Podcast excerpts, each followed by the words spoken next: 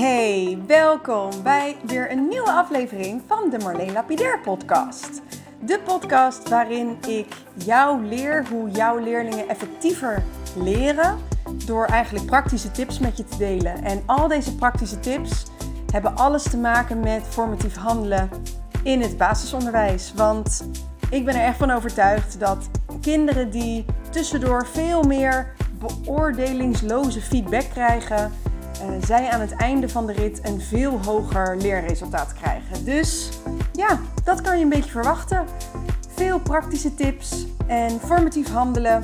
En dat eigenlijk allemaal voor jou, voor die enthousiaste leerkracht die zijn of haar lesgeven een boost wil geven. Nou, deze aflevering is eigenlijk een beetje een bijzondere. Want um, ik heb laatst een video opgenomen voor mijn uh, online programma. Uh, dat online programma gaat helemaal over formatief handelen. En binnen dat programma heb ik allemaal verschillende modules.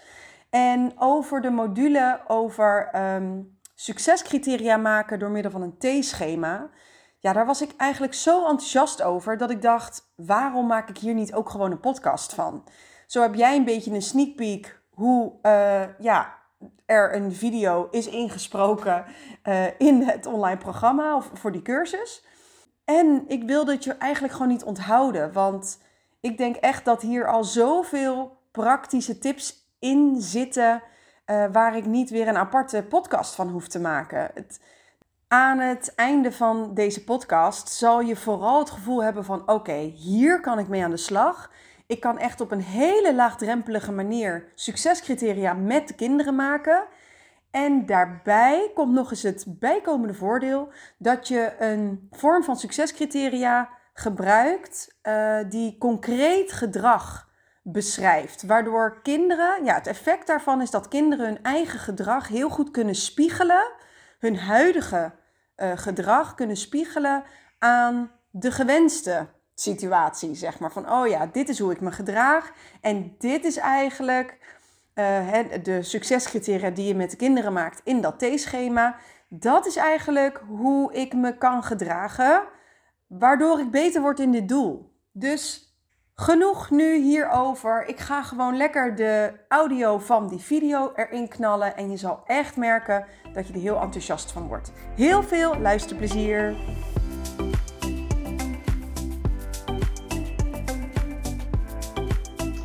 Succescriteria maken door middel van een T-schema. Een van mijn favoriete manieren om succescriteria te maken. En eigenlijk ook van die van de leerlingen. Omdat het mega concreet is wat leerlingen kunnen doen om beter te kunnen worden in een doel. Deze vorm van succescriteria helpt de leerlingen onwijs met hun eigen gedrag spiegelen naar een soort gewenste situatie. Je gaat namelijk met een T-schema zo concreet gedrag beschrijven wat uh, je eigenlijk in een perfecte situatie zou willen. En een perfecte situatie bestaat natuurlijk helemaal niet en nog helemaal niet in het onderwijs. Maar je wil eigenlijk wel beschrijven wat een beetje je stip op de horizon is. Je wil concreet maken hoe jij wil dat de kinderen zich gedragen, wat ze letterlijk doen, wat ze zeggen en wat ze, wat ze, hoe ze zich gedragen, dus wat ze doen. Dat wil je eigenlijk verbeteren. Doelen waarbij je deze vorm van succescriteria echt perfect voor kan gebruiken, zijn doelen die te maken hebben met je gedrag. Bij echt gedrag dat je wil verbeteren. Uh, denk aan bijvoorbeeld het gedrag dat je wil zien met buitenspelen of um, van de ene les naar de andere les gaan, of je, hun taakgerichtheid, of het samenwerken, of uh, respectvol naar elkaar zijn, het, het communiceren met elkaar. Dat soort doelen lenen zich echt perfect om concreet gedrag te beschrijven wat jij van de kinderen verwacht en waar zij eigenlijk met die tips steeds een beetje beter worden. Maar vakinhoudelijke doelen werken ook echt heel erg goed. Denk aan dat ze echt iets moeten gaan doen, iets moeten gaan maken. Bijvoorbeeld een toneelstukje uh, voordoen of een presentatie houden of een werkstuk maken of een poster maken of een tijdlijn maken of hun mening vormen over iets. Dit soort vakinhoudelijke doelen lenen zich ook heel goed om concreet gedrag te beschrijven en leerlingen daarmee dus tips geven hoe ze beter kunnen worden in dat doel. Nou, hoe werkt nou zo'n T-schema?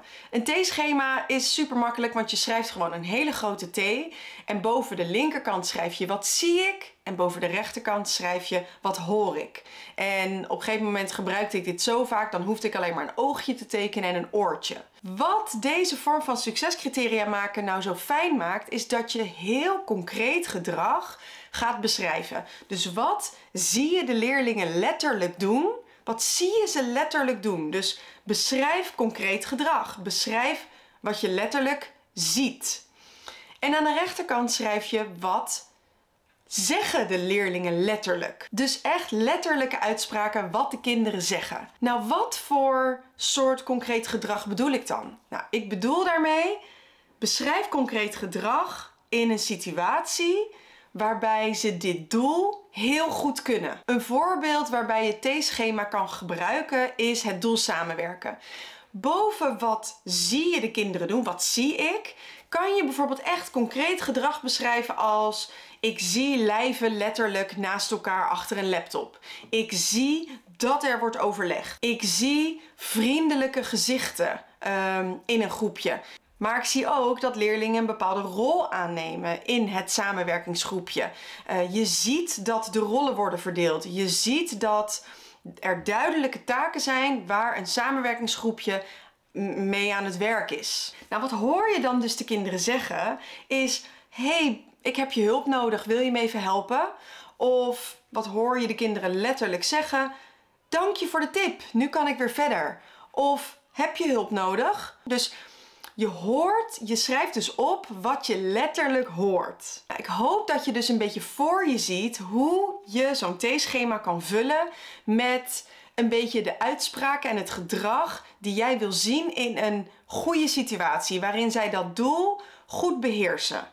Deze, dit T-schema is natuurlijk niet in beton gegoten, want je snapt natuurlijk dat als jij bezig bent met het doel en je komt weer goede voorbeelden tegen, dat je hem daarbij dus aanvult. Een tip is ook om hem op A3 uit te printen, zodat de kinderen ook een beetje een soort vrijheid voelen om met stift of met wat dan ook aan te vullen met wat hen opvalt in een goede situatie. Hoe gebruik je dit T-schema nou effectief om formatief te evalueren? Je gebruikt hem effectief als je bijvoorbeeld uh, nou, dat T-schema dus met de kinderen gaat samenstellen en vervolgens de opdracht uitlegt waarin jij zegt: Oké jongens, jullie gaan nu deze opdracht doen en ik ga letten op dit onderdeel van dit T-schema. Bijvoorbeeld bij het doel samenwerken heb jij als um, uh, onderdeel bij wat zie ik, uh, dat de taken duidelijk verdeeld zijn. Dus in de eerste 10 minuten dat de kinderen bezig zijn met een samenwerkopdracht, geef jij daar feedback op. En nou, dan kan je dan opschrijven van oké, wat zie ik ze doen? En na 10 minuten doe je even een time-out in je klas. En waarna er dus wordt gereflecteerd op: oké, dit heb ik gezien. Wat ligt al in lijn met wat ik graag wil zien? Uh, hoe is het bevallen? Hoe is het ervaren door jullie? Hebben jullie nog aan het T-schema gedacht? Uh, en hoe kunnen we hem nog een beetje verbeteren? Dus je gebruikt hem effectief door op één onderdeel eigenlijk te reflecteren en je te focussen eigenlijk tijdens een les. Om vervolgens na elke x aantal minuten even de les stil te leggen, zodat het een soort time-out is waarop je reflecteert op wat je ziet en wat je hoort. Wat ook een leuke vorm is, is om het uit te laten spelen. Dat leerlingen dus even tijd krijgen om uit te spelen wat nou perfect samenwerken is en wat nou niet perfect samenwerken is. Zodat je eigenlijk een goed voorbeeld gelijk hebt en een niet goed voorbeeld. Zodat je met elkaar beschrijft hey, wat maakt nou dat goede voorbeeld een goed voorbeeld? Wat zien we de kinderen doen en wat horen we ze zeggen? Horen we ze zeggen. Ja, horen we ze zeggen. Ja. Je gebruikt hem nog een beetje formatiever als je heel duidelijk in jouw bewoordingen gebruikt: Oké jongens, ik zie dit nu gebeuren. Wat heb jij of wat hebben wij nu een beetje nodig om beter te worden? Wat ga jij nu doen? Wat wordt jouw actie? Zodat ik jou gericht feedback kan geven, zodat je een beetje beter wordt in dit doel. Dus als je het echt formatiever wil gebruiken, gebruik jij heel vaak deze bewoordingen in jouw mond. en dat je um, je dus focust op hoe word ik een beetje beter. En soms komt het ook voor dat een paar leerlingen heel opvallend gedrag vertonen. Zo heb ik een keer een leerling meegenomen naar het theeschema. Die hing dan zeg maar op mijn muur achter in mijn klas. En ik merkte gewoon dat deze leerling het lastig vond. En ik vond hem heel storend gedrag vertonen. Dus ik dacht, oké, in plaats van dat ik soort met mijn vingertje wijs met... hey, dit doe je niet goed en dat doe je niet goed. Ga, ga maar kijken op het theeschema hoe je het beter kan doen. Heb ik hem meegenomen naar dat theeschema en ik heb met hem een gesprek gevoerd over... hey, als je dit nu doorleest, hè, wat gaat er dan nog goed bij jou? Uh, wat zie ik al bij jou terug en wat hoor ik je zeggen? Nou, deze leerling gaf daarbij, die ging daarop reflecteren, want die ging het even lezen. En die zei, ja juf, ik kan dit wel en ik kan dat wel. En toen was natuurlijk de vervolgvraag, oké, en waar ga jij je de komende 10 minuutjes op focussen, waardoor het een beetje beter gaat? Dat kan iets zijn wat uit de leerling zelf komt, maar dat kan ook iets zijn wat ik opleg. Dus hey, ik zie dat jij uh, niet zo respectvol communiceert met je klasgenoten. Ik wil dat jij dit onderdeel van dit T-schema, dat je dit onderdeel de komende 10 minuten, dat je daarop gaat letten. Hoe ga je dat doen? Nou ja, door misschien uh, uh, aardiger te praten. Oké, dus door aardig te praten word je respectvoller naar je klasgenoten en naar je groepje toe. Daar ga jij je de komende 10 minuten op focussen. Ehm, misschien is, het wel, is er wel zo'n veilige situatie in jouw klas dat je dat ook kan communiceren met het groepje van hey, uh, Pietje en ik hebben afgesproken dat dit zijn leerpunt wordt voor de komende 10 minuten. Over 10 minuten kom ik hier zo meteen terug. Zet even een timer, want anders vergeet je het. Ehm, uh, dus dan kom je na 10 minuten weer terug en dan kan je dus aan de klasgenootjes, aan het team vragen van hey, hoe ging dat? Of je kan natuurlijk zelf een oogje in het cel houden van hey, hoe gaat dat nu ten opzichte van de vorige keer? Op deze manier gebruik je hem ook weer heel formatief en kan je bepaalde leerlingen heel ja, soort meer gewenster gedrag laten vertonen, zodat zij ook ervaren, zodat zij voelen en merken dat het werkt. Dat die tips op dat T-schema er echt voor zijn om hun gedrag te verbeteren, om hun doelgerichtheid te verbeteren. Wat ook een hele leuke vorm is tijdens het werken met een T-schema, is een chef T-schema uitkiezen. De bedoeling van zo'n chef T-schema is dat deze leerling goed kijkt en goed luistert naar wat er gedaan en wat er gezegd wordt. Deze leerling schrijft dat letterlijk op. Uh, die krijgt daar een minuutje of 10, 15 minuten voor. Hou er wel rekening mee dat deze leerling dan dus niet bezig is met de opdracht. Dus die moet er dan even uit kunnen. Uh, maar het kind is super doelgericht bezig. Deze leerling mag er geen namen bij schrijven bij wie diegene dat dus heeft gehoord of gezien heeft. Uh, maar die moet gewoon concreet gedrag beschrijven, wat het hoort en wat het ziet. Dat schrijft het op deze leerling op en dat ga je eigenlijk klassikaal in een time-out weer even bespreken. Van hey, chef T-schema heeft rondgelopen en um, die heeft dit gezien, dit gehoord. Um, wat ligt al goed in lijn met het T-schema wat wij hebben gemaakt en waar liggen de leerpunten voor onze klas? Hier komen echt geweldige uh, leerpunten uit. Dus dit is eigenlijk klassikale feedback waarin je de klas weer even de focus geeft van oh ja, oh ja, we moesten um, goed de taken verdelen. Of oh ja, we moesten um, letterlijk met het groepje een beetje bij elkaar blijven. Of in ieder geval elkaar in de gaten houden. Daar, daar kunnen hele fijne, concrete tips uitkomen. Waar jij vervolgens misschien wel je T-schema weer op aanvult. Of misschien wel dat de leerlingen elkaar feedback gaan geven op: hey, dit is een tip voor jou. Of dit is een tip voor een ander groepje. Als je het T-schema nou een paar keer hebt uitgeprobeerd, kan je er ook voor kiezen om er een W-schema van te maken. Een W-schema zijn niet twee onderdelen, zoals onder de T, maar zijn drie onderdelen. De drie onderdelen waar jij concreet gedrag op kan uh, beschrijven is wat zie ik, wat hoor ik en wat voel ik. Je kan er natuurlijk ook voor kiezen om hier gelijk mee te beginnen. Dan begin je gewoon met een weeschema. In dit weeschema schrijf je dan concreet gedrag over. Wat voel je dan? Wat voel je als je bezig bent hiermee? Nou, om nog steeds bij het voorbeeld samenwerken te blijven, is dat je voelt dat je erbij hoort. Je voelt dat je onderdeel uitmaakt uit het groepje. Je voelt um, dat jouw stem ertoe doet. Je voelt um, uh, vriendelijkheid in het groepje. Uh, dat soort concrete dingen kan je beschrijven over hoe voelt het nou om dit doel goed uit te kunnen voeren.